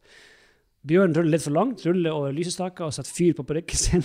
Og hele håret tar fyr, og fire stuntmenn bare med en gang slukker håret hans. Og, og Bjørn blir sint. Liksom. Hvorfor stopper dere meg? Skal bare la meg bruke det. Det er jo gull, det her. Men så, tok, så husker jeg det var et av de fineste øyeblikkene av den innspillinga. Så tok Bjørn meg til side etterpå og så sa han bare Tommy, jeg vil bare takke deg. Uh, jeg har sittet i 30 år jeg har sittet i ro på ræva og i filmer og prata og prata. Og jeg får endelig gjøre litt action føler meg så levende om det er et utrolig kult øyeblikk. Ja, Det er hyggelig at du forteller det. For jeg føler Bjørn Sundquist er jo en fyr vi alle har fått et hjerte til gjennom hans herlige måte å være på i film og TV og teater, for de som har sett ham på scenen og sånn. Mm. Eh, men årene går jo, og liksom, han er ikke like mye med i norske filmer lenger, og sånn, så det er jo skikkelig hyggelig å høre. Og det var jo hyggelig å se han igjen i den uh, filmen. Og mange norske som du har fått med ja. foran kamera og sånn. Men, men, si litt om dette med eventuelle ting du savnet, da, fordi du får jo også da en en brå overgang som filmskaper. Du er jo på en måte så vidt i gang, og så plutselig er du og gjør en sånn storbudsjettsfilm.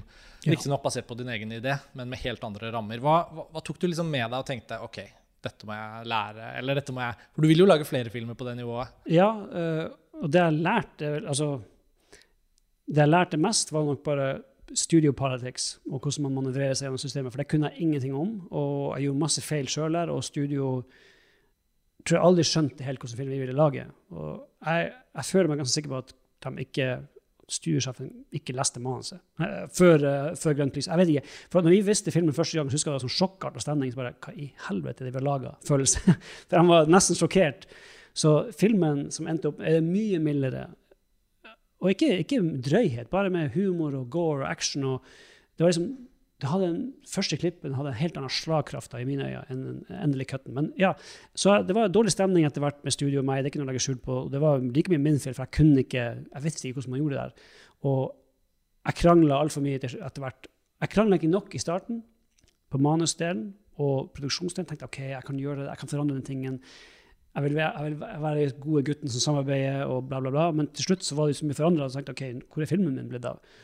Og når vi da kom til klippeprosessen, så tenkte jeg at nå må jeg begynne å kjempe virkelig for å beholde det jeg har. Og da var det etter hvert litt dårlig stemning og, og diskusjoner og krangling. Og uh, heldigvis da, så endte jeg opp med en film som gjorde det veldig bra økonomisk sett. Men for meg så Og den fikk jo slakt uh, fra anmeldere.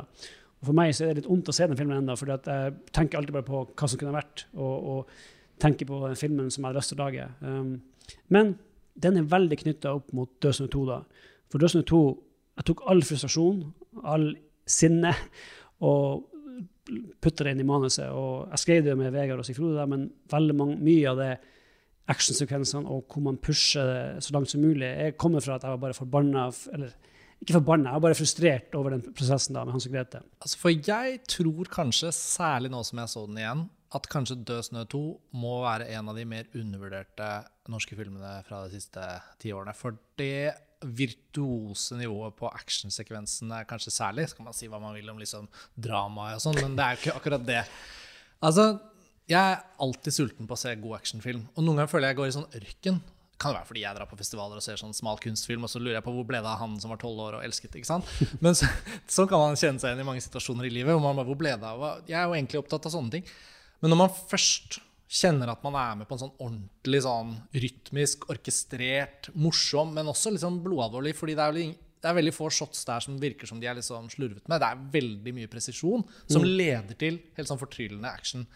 Særlig den myrsekvensen og liksom hele slutt, uh, altså når de kommer til den byen og, og det er showdown. da det er innmari interessant å høre at det var litt sånn katarsis for deg etter Hans og Gretel overlevde Dødsnøtt 2. Men jeg føler Dødsnøtt snø 2 ble jo litt sånn omtalt som en sånn typisk Ja, der kom det en oppfølger, iallfall i norske forhold. Hvordan syns du den filmen sin skjebne liksom har uh, vært? Jeg syns jo uh, Jeg regner med at du er fornøyd med den? Jeg er ekstremt fornøyd med den. Ja. Det, er, det, er, en av de filmene jeg er mest stolt av. Uh, og en av de filmene jeg kan se altså jeg, jeg, ser ikke så mye av mine filmer i, etter jeg er ferdig med dem, men den kan jeg se mm. ofte. Det er som din Empire Strikes Back. Nei, men bare, som du sier, Jeg er ekstremt fornøyd med action, jeg er ekstremt fornøyd med tempoet og bare den slagkraften den har. Den har, den har bare energi som jeg liker veldig godt. Mm. Musikken, klippen altså all, ja. så Alle virkemidlene er veldig med på det du prøver å få til. Ja, og jeg føler at det, Død som to liksom det, det, var, det, var, den første filmen der jeg følte at filmen ble akkurat som jeg hadde sett for meg. Mm. Jeg var ikke på 1 og Kill selvfølgelig masse restriksjoner på det finansielle og, og rundt å lage filmen. Og du lærer vel ting også mens du lager det? Ja. Selvfølgelig. Hans Grete hadde lært masse der, teknisk sett, og, og samtidig blitt holdt tilbake veldig mye, følte jeg sjøl da. Så, og kunne på en måte bruke alt det i Døsen 2 var veldig deilig for min del. Og eh, da, nei, det var en utrolig fin opplevelse, og, og filmen ble veldig godt mottatt uh, internasjonalt. I Norge fikk den faktisk en del gode kritikker også, husker jeg. Jeg husker jeg var overraska over det. Uh, ikke overraskende nødvendigvis, men jeg bare tenker, ok, det var hyggelig å få det for en gangs skyld. Uh, men, uh, men, spesielt internasjonalt, og, og, den blir jo ofte nevnt uh, i, når de filmnettsidene rundt omkring i verden skal ta opp beste zombiefilmer de siste 10-20 årene. Så mm. er den veldig ofte der, da. Mm. Og det er jo veldig hyggelig. og horrorfans, som jeg bare sier generelt, er et utrolig takknemlig publikum. Det, de er så lojale og de er så støttende. og du, du, Man føler at filmen blir sett verden over, selv om man lager en liten norsk film. Så uh, 'Dødsnatur 2' føler jeg virkelig har, har fans over hele verden. Da. Så det er mm. kult. Ja, og jeg skriver meg inn i den fanklubben. eh, eh, og um, jeg tenker at um, nå kommer det liksom én film til på listen. da. Vi, vi, snakket jo om å gå litt sånn kronologisk gjennom film for film. Ja. Og, og, også underveis så blir det jo disse anledningene som lytterne hører, til å høre litt anekdotisk småstoff. Mm. Men Død snø 2, du kjenner på det du beskriver, den følelsen over å lykkes med en film som er helt sånn som du ønsket det. Og så er vi liksom midt på 2010-tallet, og du er liksom Hollywood-regissør. Men du er jo også en norsk sjangerregissør som har på en måte markert deg veldig og fått på en måte et helt miljø rundt deg, men også liksom ja, økonomiske muskler, eh, om ikke personlig, det vet ikke jeg noen ting om, men i forhold til det å vise at du kan få mye ut av det du lager film for. Også, mm. Hvor sto du da selv personlig i forhold til hva som kom til å bli neste prosjekt? Det vil jo sikkert alltid være historier om ting som ikke ble noe av, som du nesten ble noe av. Jeg vet ikke hvilke av de du kan fortelle litt om, men den neste filmen du ender opp med å lage, er What Happened to Monday, som kom i 2017. Kan du si litt om de årene det mellom der, og, og, hvorfor det endte opp med å bli den filmen? Og hvilke andre filmer som var aktuelle? Jeg husker ikke helt uh hvordan andre filmer som var aktuelle. I den perioden var jeg attachet faktisk til en remake av Cliffhanger en stund, som ikke ble noe av. Oi! Eh, som jeg hadde veldig lyst til å lage. Uh, altså, Renny Harlin er også en gammel helt for meg ja. fra, fra 90-tallet. Ja. Uh, og vi hadde et veldig bra manus, men det viste seg at på den tida spesielt, da, så var det enda litt sånn at folk var veldig Når man skal lage en Hollywood-film av en viss størrelse, så må man nå dessverre ha en viss stjerne om bord for å få det budsjettet man trenger. Uh, og Cliffhanger var det et bra manus, men det var en tittel som kanskje ikke frista så mye for mange skuespillere som ikke hadde lyst til å lage en remake av en Stallone-film. Så vi fikk aldri den, den, den stjerna vi hadde lyst på. Altså, så da gikk jeg bare videre. Og What Happened to Monday hadde jeg hørt om fordi Morten Tyldum var attached før meg. Ja, og Det var et sånn blacklist-manus som hadde ja. ligget og ulmet i Hollywood eh, i flere år. Ja. Mm. Og jeg husker jeg bare likte konseptet veldig godt. Så det var en kul idé. Uh, så når han uh, gikk og lagde Imitation Game, da, så fikk jeg manus gjennom agentene mine. Resten av det likte det veldig godt. Men jeg følte at det var noe som mangla der for min del. da. Men jeg hadde lyst til å ha et møte med produsenten, som er Rafaela De Laurentiis. Mm. Som eh, det burde skrives en bok om. ja, altså For det er også hun som produserer disse Dragonheart-filmene. Eh, ja. Hvor Patrick Syversen har vært nede og regissert. Og, jo, men, men Rafaela er hun er, hun er datteren til Dino. Og datteren til Dino, ja, skulle og, og Så begynner, hun, hun, produserte jo Conan, det var hennes første film. Ja. Conan, Og så Dune. Og så masse store filmer på den tida. Og så hun er en trailblazer når det kommer til kvinnelige produsenter i Hollywood. Mm. Uh, og ja, de siste årene har hun For hun eier, eier vel halvparten av Dragonheart-merkevaren, mm. for hun gjorde den første. Uh, Så har hun gjort uh, det i tillegg, da. Um, men ja, hun, hadde, hun produserte What Happened to Monday. Jeg møtte med henne. Så jeg hadde noen ideer til forandringer, men min hovedforandring er vil gjøre det med en kvinne istedenfor en mann. For det var, det var, skrevet som syv brødre da. Jeg mm. følte at det ble liksom litt for mye sånn seven bros hanging out. Det var vanskelig å skille dem. Mm. Det var liksom Å få personlighetene frem. Og hadde alltid lyst til å jobbe med Numi. Numi skulle egentlig gjøre Hans og Grete. Oh, ja. uh, altså som Grete? Ja. ja. Og det var før jeg visste om Gemma og alt. Men Numi var mitt første valg. For jeg, for jeg skulle reise over og begynne prosessen med å caste Hans og Grete, så så jeg Dragon Tattoo. Ja. Ah. Så bare Oh, shit. og så jeg viste den til produsentene. De digga henne. Og vi hadde henne inn på audition på den tida, men Numi på den tida snakka omtrent ikke engelsk. Hun var veldig dårlig engelsk altså på den tida. Mm. Så hun hadde en veldig sterk aksent. Man hørte at hun var fra Skandinavia. Så studioet drev hele tida Kan du lese på nytt igjen? Prøv å lese på nytt igjen. lese på nytt igjen. For Jeremy digga hun også, og han ville ha henne med. For Jeremy var allerede om bord på det mm. tidspunktet. Men i, mens jeg holder på det her, og jeg hadde bare, kan, ikke bare le, kan ikke bare signe deal, så kom Ridley Scott inn og tilbød Prometheus. Og da mista vi jo. Så, bare, det morsomt, så det er det som skjer? Det er ikke det at hun mister rollen fordi nei, hun ikke ja. Nei, ja, det hadde sikkert gått til slutt. Men, men, hun har jo hatt en utrolig fin internasjonal karriere, faktisk. da. En av de mm. skandinaviske skuespillerne som jeg synes har lyktes best med å både være med i sånn helt ekstremt store prosjekter, da, Prometheus, uh, men også hele tiden virker som hun er nysgjerrig og jobber på sånne uventede prosjekter. Og jeg synes jo, da det ble offentliggjort at du lagde den filmen med henne, tenkte jeg sånn Kult, liksom, med henne. Mm. Um, og for de av lytterne som ikke har sett What Happened to Monday, som dere virkelig burde gjøre, så er jo da plottet at uh, vi er i fremtiden, og det er ikke lov å få mer enn ett barn. Og uh, hun spiller da syv søstre som lever i skjul, og som er den samme personen utad, men som hjemme er da syv individer. da, For å gjøre det veldig kort. Men, men, men rett før det da blir noe er det, For dette er jo sånn som når man ser den nå, så ser man jo at den er liksom Plutselig er det masse franske produksjonsselskaper, og det er ofte en sånn saus av sånne logoer som kommer på. Hva er det liksom For det er den egentlig liksom en Hollywood-film, eller er det en slags uavhengig storproduksjon? Hvordan det er jo en, defineres den? eh, det er en blanding. da. Det er jo så mange filmer i den prisklassen blir laga. Det er utenfor Hva, studiosystemet, hva er budsjettet på den? ca. 18 millioner dollar. Hmm. Det er egentlig ganske billig da, i den Ja sammenheng. igjen Rafaela, som er fantastisk der. Men, men ja, det, det man gjør da, det er man har regissøren om bord, og så et par skuespillere, og så går man har man en, i dette tilfellet SNI, da, som er et fransk selskap, uh, som er finansiør, men selger også filmen. Så de selger filmen basert på manuset og dem som er med. da.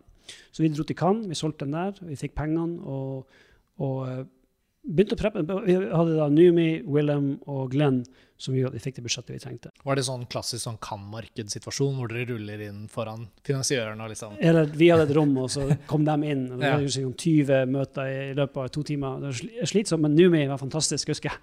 Skikkelig bra. Bare sjarmerte absolutt alle som var der inne. Uh, og vi fikk penger vi trengte, og vi begynte produksjonen. For jeg hadde lyst til å, da hadde jeg lyst til å prøve å gjøre noe nytt. Mm. Og, og eh, litt mer seriøs enn jeg har gjort før. Og det er faktisk eh, Død snø 2 som ga meg den jobben. Det var ikke Hans Grete eller noe. Det var Rafaela eh, og SND hadde sett da Død snø 2. Bare OK, her er en kul film, la oss gi han sjansen.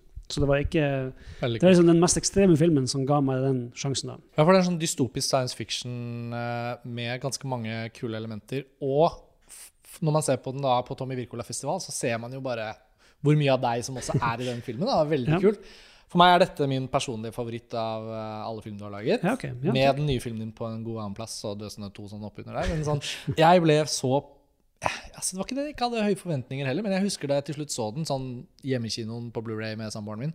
Så vet jeg ikke helt om jeg hadde liksom rukket å tenke litt på hva forventningene mine skulle være. Mm. Men det er jo også en film, akkurat som 'Døsende 2, hvor man opplever at liksom actionsjangeren kombinert med en her en veldig sånn klar tematikk eh, den, du, du håndterer det så liksom musikalsk og virtuos. Det er så fascinerende hvordan du liksom holder et tempo i den filmen som aldri føles forhastet, men det er liksom kontinuerlig en sånn flyt. Ja. Og, og den konseptuelle ideen eh, kan også være veldig konseptuell i dårligere hender, men den blir litt sånn organisk. Så jeg Ja, hadde bare lyst til å si det. Så det er min favoritt. Hvordan For den endte opp med å bli solgt til Netflix i USA, i hvert fall. Og så gikk den veldig bra på kino i Frankrike, har jeg hørt. Ja. Altså, den fikk en litt sånn rar skjebne, men ja, for det var en av de første som fikk en sånn delt release, som er Mm. blitt mer, mer vanlig, da, som vi gjør faktisk også med The Trip, eller i i noen dager. Mm. Men det, for å finansiere filmen, så selger man til visse territorier. Så vi solgte Frankrike, solgte Sør-Korea og solgte flere territorier. Og fikk pengene vi trengte. Og vi hadde ikke solgt USA, Canada da, og England. For det er jo de store territoriene. man Så da kunne dere lage film uansett, Ja. og så kom det i tillegg på. Og da kjøpte Netflix den for resten av verden da på Vi visste den i Toronto. Mm. Uh, så det var en sånn rar kombinasjon. Men ja, den gjorde det ekstremt bra på kino i Frankrike og Sør-Korea. Og, og ble en enorm hit for Netflix, faktisk. Det var, de gir jo ikke offisielle tallene, men jeg sa til oss da etter eh, første året var den var inne på topp fem worldwide. Så det er jo veldig Det er fantastisk. Ja, veldig. Og de har faktisk, er, vi har blitt forespurt et par ganger nå om vi har lyst til å lage oppfølger. Jeg vet ikke hvordan de skal klare det basert på hva som skjedde i nummer én, men, um, men ja, det, det er denne filmen jeg er mest stolt av, helt klart. Og det var en utrolig, utrolig hard produksjon. For at å, å filme Numi i syv karakterer var en sinnssyk utfordring. Aldri vært gjort før eh, på den måten. Og, og vi, hadde, ekst- vi hadde 97 dager innspilling, som er ekstremt mye. eh, Ja, det er lenge. ja. Hvor ble den filmet I, i I Romania. Ja. Det var en lang tid å være i Romania. Jeg var der veldig lenge. Og det er klart det var tøft for Numi, spiller syv roller. og Skal gjøre en dødsscene først med én karakter, og så skal hun sørge for den søstera på fire andre måter. rett etterpå.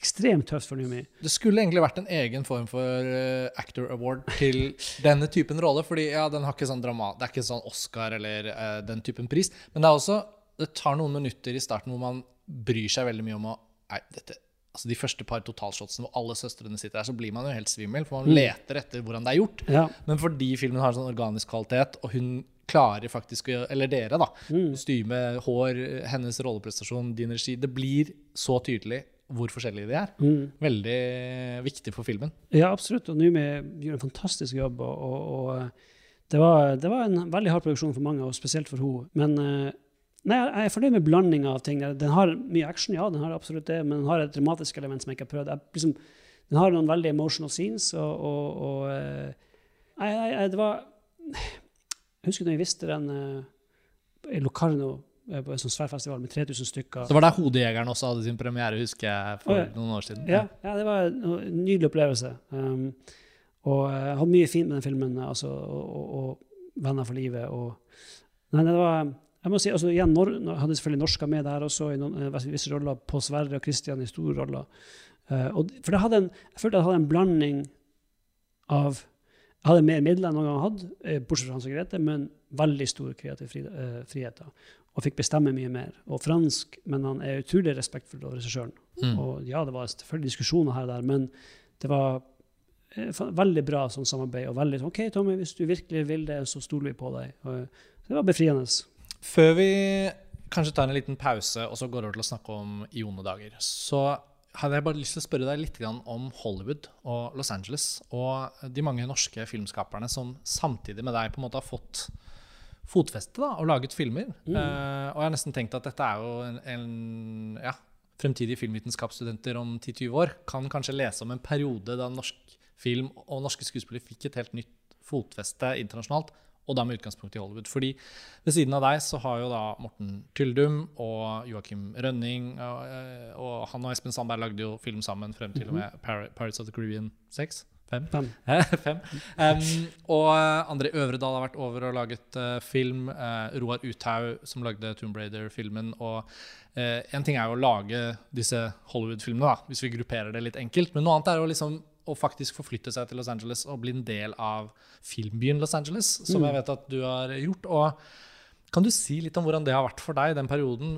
Hvordan dere har kunnet liksom holde sammen som nordmenn, hjelpe hverandre. Harald Svart, som du har nevnt tidligere, er jo på en måte litt sånn pioneren i, i uh, denne perioden av Norge-Hollywood. Mm. Forrige perioden var vel kanskje Sonja Hennie og den gjengen der. Kan du si litt om akkurat det aspektet ved å lage film der borte? Ja, nei, det, det, som du sier, Harald var jo den første. Mm. Og han bodde jo der når jeg kom over og, og møtte han et par Blir du invitert på gin tonics og sånn på terrassen da? Ja. nei, altså han, han, har vært veldig, veldig Aldri trodd på meg, Harald, og det har betydd mye og hjulpet meg i starten. Og, og uh, så kom jeg over dit, da, og selvfølgelig, han var jo ikke alltid der. og da, Han bodde en helt annen del av byen enn meg. Det var, de, de, første årene var det tøft. husker Jeg jeg kjente ingen, bortsett fra dem jeg jobber med på Hans og Grete. I tillegg, siste halvåret på den produksjonen, klippen, det var veldig bare sånn Igjen, jeg sier tøff, men nå handler det om tøff i filmverden, så det, i forhold til mange andre i verden, så det er ikke tøft. Men det var bare mye stress i den perioden. Så det tok en stund før jeg virkelig ble glad i Hollywood. Men nå jeg, jeg, virker, jeg koser meg der og har bodd der i, fast i ti år, faktisk. ja. 2011. Hvilken del av byen bor du i? Jeg bor i Los Feliz, heter det, rett overfor Hollywood. Ja. Um, og, og, det kom jo etter hvert, ja, så kom det jo flere nordmenn. Uh, Joakim og Espen kom først, og så Morten. Og så André har vært der, som du sier. og uh, Roar uh, Tomb Raider. Så, og vi, har, vi, henger mye i lag. Uh, I tillegg så er det en norsk regissør, reklamefilmregissør som heter Ole Sander, som har bodd her i alle år. Ja. ja nå, jeg glemmer sikkert noen, nå bare nevnte jeg liksom da, ja, ja, nei, nei, de, de mest kjente. da. Men, men, man ser jo også mellom linjene at det selvfølgelig finnes mange andre nordmenn som jobber med andre ting innenfor film, som da selvfølgelig også har glede av å tenke at oi, nå er det faktisk flere av oss. Absolutt. Så har kanskje pandemien satt litt en stopper for, for, for oppholdet for noen. Men ja. ja men det, er deilig. det har vært veldig deilig å, å kunne hatt hverandre der. Og, og vi, har, vi, har, hengt mye i lag, absolutt. Mm. Og uh, invitert hverandre på premiere, på testvisninger på, i klipperommet og fått råd og tips. Og, og, det er veldig bra han å lene seg til og, og spørre om råd om så. Og, uh, så det er for meg, ja, absolutt en utrolig fin ting. og og nå bor de jo der. Altså, Morten er vel litt tilbake i Norge nå, men, men mange av dem, Joakim bor der fast nå. og uh, faktisk, Det er kanskje bare han som bor der fast nå. men det var en stund så var det flere nordmenn der. Men nå pendler, det er mange som pendler. da. Mm. Man har oppdaga også etter pandemien spesielt nå at jeg tror det kommer til å bli mer med sånn man tenker å bo der for å nødvendigvis jobbe i Hollywood mer. Uh, men nei, det har vært uh, jeg vil si uh, veldig fint år. Jeg møtte kjæresten min der, som jeg har fått barn med nå, som er også en nor norsk jente. Mm. Som skuespiller som jobber der. Og, og generelt veldig fine år. Men eh, man har jo sett selvfølgelig mye på de årene der som, eh, hvor hardt det kan være for veldig mange. Veldig mange nordmenn har kommet dit mm. og prøvd, og ikke nødvendigvis fått det til. Og du ser at det, det er hardt for er folk som kommer dit med drømmer, store drømmer. Og det er en utrolig nådeløs by Mm. Det er en grunn til at David Lynch i Mulholland Drive traff så godt med uh, Uten å lage noen sammenligning til Mm. noen nordmenn, men, men det er jo noen sånne mytefortellinger om Hollywood som vi har sett på film, som har vist seg å være litt sånne evig sanne fortellinger. Absolutt, Absolutt, Men jeg vet ikke hvorfor det blir så hardt Men. Det er en veldig deilig by òg. Ja, ja, nei, det, nei, det, det er, drømmer og forventninger. Det er klart det er det, og det, det, det er mange dessverre i bransjen som også ikke er så hyggelige. Sånn er det bare. Og eh, jeg husker jeg så den der um, La La Land, så den scenen der hun eh, Hva heter hun? Emma, Emma Stone. Emma Stone er på audition, Mm. og så sitter uh, produsentene der på mobilen eller prater om annet, og, og så begynner hun å grine. Det har jeg hørt altså, det fra flere folk. Det er sånn det der skjer hele tida. Mm. De, de stopper å se på deg under auditionen din, eller gjør noe her. altså, det er bare, så- ta, Jeg husker det, for jeg hørte også litt om det før jeg skulle ha auditionprosessen min på Hans Grete. Så jeg, Du hadde ikke lyst til å være han? og jeg overkompenserte. Og jeg, jeg tenkte også, Vi hadde utrolig mange quote kjente skuespillere på audition. Så jeg husker jeg tenkte dem, jeg, følte meg liksom Hvem er jeg? Hvem er jeg? Hva jeg gjør her? Hvorfor skal de være redd for meg? Jeg følte meg liksom litt teit nesten at jeg skal ha dem på audition. Men jeg prøvde å overkompensere og være ekstremt hyggelig med de folkene. Jeg og Fikk dårlig samvittighet hver gang vi sa nei til noen. Eh, Men nei, det, det, jeg har sett det selvfølgelig mye opp gjennom årene jeg har vært der, og ikke alltid like hyggelig. Men stort sett utrolig mye fine folk. eh, hvis jeg skulle, hvis jeg, altså, som sagt, jeg har akkurat sagt at det er mye dårlig der også, men generelt så vil jeg si at de fleste er hyggelige. Og sånn som personer som Adam McKay og Dave Leach, og, som jeg ble kjent med, årene, utrolig supportive. McKay har vært, alltid trodd på meg og, og hjulpet meg og, og leid meg inn. Jeg har jobbet, de siste to-tre årene har jeg jobba bare som manusfatter også. Gjort rewrites på ting han har gjort, øh, eller øh, skal gjøre, eller utvikling. Dave Leach har skrevet manus for nylig. Folk tar veldig vare på hverandre og støtter hverandre hvis man tror på hverandre og hjelper folk opp og frem. Så jeg har opplevd mye av det også, som har vært veldig fint. da. Ja, det er, veldig, det er gøy å høre deg fortelle. Jeg er glad du deler litt eh, anekdotisk stoff, for det er jo akkurat det jeg føler man savner litt, da, som jeg sa innledningsvis. Mm. Vi skal ta en kort liten pause, og så i del to så skal vi snakke med deg om din nye film, da. Eh, I onde dager. Eh, men eh, frem til da så vil jeg bare takke for denne første delen av praten, Tommy. Eh, Yes. Så snakkes vi snart Takk igjen.